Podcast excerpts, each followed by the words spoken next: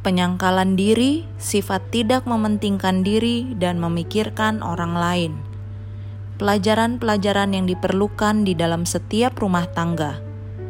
Di dalam setiap rumah tangga harus diajarkan pelajaran-pelajaran tentang penyangkalan diri. Bapak dan ibu, ajarlah anak-anakmu berhemat berikan dorongan kepada mereka menabung uang mereka untuk pekerjaan pengabaran Injil. Kristus adalah teladan kita.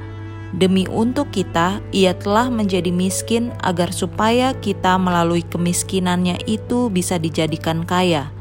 Ia mengajarkan bahwa semua orang harus hidup bersama-sama dalam persatuan dan kasih untuk bekerja sebagaimana ia telah bekerja, untuk berkorban sebagaimana ia telah berkorban, untuk mengasihi sebagai anak-anak Allah. Pelajarilah pelajaran tentang penyangkalan diri dan ajarkan itu kepada anak-anakmu. Segala sesuatu yang bisa ditabung melalui penyangkalan diri sekarang ini diperlukan di dalam pekerjaan yang harus dilaksanakan. Orang-orang yang menderita harus ditolong, yang telanjang harus diberi pakaian, yang lapar diberi makan Kebenaran untuk masa kini harus disampaikan kepada mereka yang belum mengetahuinya. Berkorban harus menjadi kebiasaan. Oleh pengajaran dan teladan, ajarkan sifat penyangkalan diri, berhemat, berbesar hati, dan bergantung kepada diri sendiri. Setiap orang yang mempunyai tabiat yang sejati akan disanggupkan untuk mengatasi segala kesulitan dan akan bertindak cepat dalam mengikuti Demikianlah firman Tuhan. Manusia belumlah siap untuk memahami tanggung jawab mereka kepada Allah sebelum mereka belajar di dalam sekolah Kristus untuk mengenakan kuk penurutan dan kuk yang mengekang. Pengorbanan adalah awal daripada pekerjaan kita dalam menyebarluaskan kebenaran dan dalam mendirikan lembaga-lembaga. Hal ini merupakan suatu bagian yang penting dalam pendidikan Berkorban harus menjadi satu kebiasaan di dalam pembangunan tabiat di dalam hidup ini. Jikalau kita mau memiliki sebuah bangunan yang tidak dibuat oleh tangan yang kekal di dalam surga, sebuah kotak penyangkalan diri, anak-anak harus dididik untuk menyangkal diri mereka. Pada satu waktu, pada waktu saya sedang berkhotbah di Nashville, Tuhan telah memberikan satu terang yang berkaitan dengan ini. Dengan satu kekuatan yang besar terkilas di dalam ingatanku bahwa di dalam setiap rumah tangga harus ada sebuah kotak penyangkalan diri dan ke dalamnya anak-anak harus diajar untuk memasukkan uang mereka yang biasanya dipakai untuk membeli gula-gula dan barang-barang lainnya yang tidak perlu engkau akan mendapati bahwa apabila anak-anakmu memasukkan uang mereka ke dalam kotak ini, mereka akan memperoleh berkat yang limpah.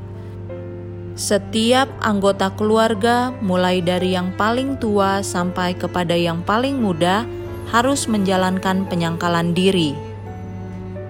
Anak-anak jangan dijadikan sebagai pusat perhatian anak-anak yang berusia 2 sampai 4 tahun jangan didorong untuk berpikir bahwa mereka harus memperoleh segala sesuatu yang mereka minta.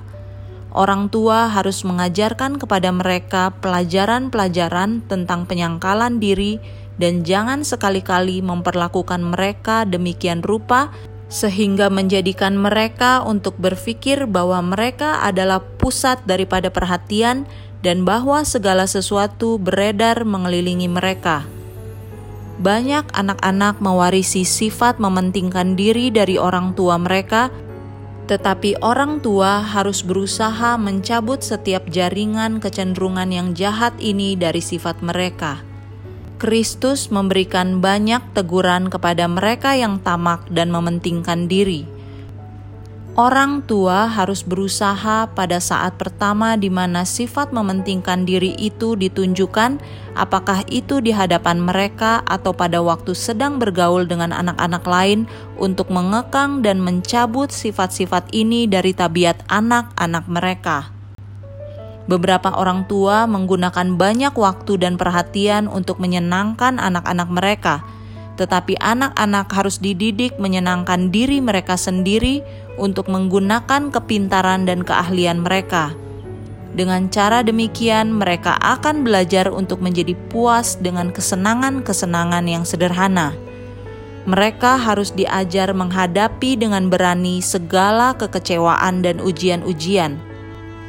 Gantinya, meminta perhatian kepada setiap rasa sakit yang tidak berarti alihkan pikiran mereka, ajar mereka untuk tidak terlalu menghiraukan gangguan atau kesulitan-kesulitan yang tidak berarti.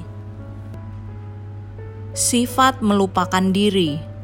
Salah satu sifat yang terutama sekali harus dipupuk dan dikembangkan di dalam diri setiap anak adalah sifat melupakan diri yang memberikan kepada hidup ini satu sifat yang tidak disadari dari segala keagungan tabiat, hal ini merupakan salah satu yang paling indah dan untuk setiap pekerjaan hidup yang benar ini merupakan sifat yang paling penting.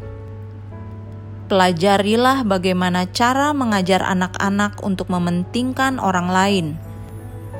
Anak muda harus dibiasakan sejak kecilnya taat, menyangkal diri, dan mementingkan kebahagiaan orang lain mereka harus diajar mengalahkan sifat pemarah, menahan kata-kata yang penuh hawa nafsu, dan menunjukkan sifat manis budi, sopan santun, dan pengendalian diri yang tidak pernah berubah-ubah.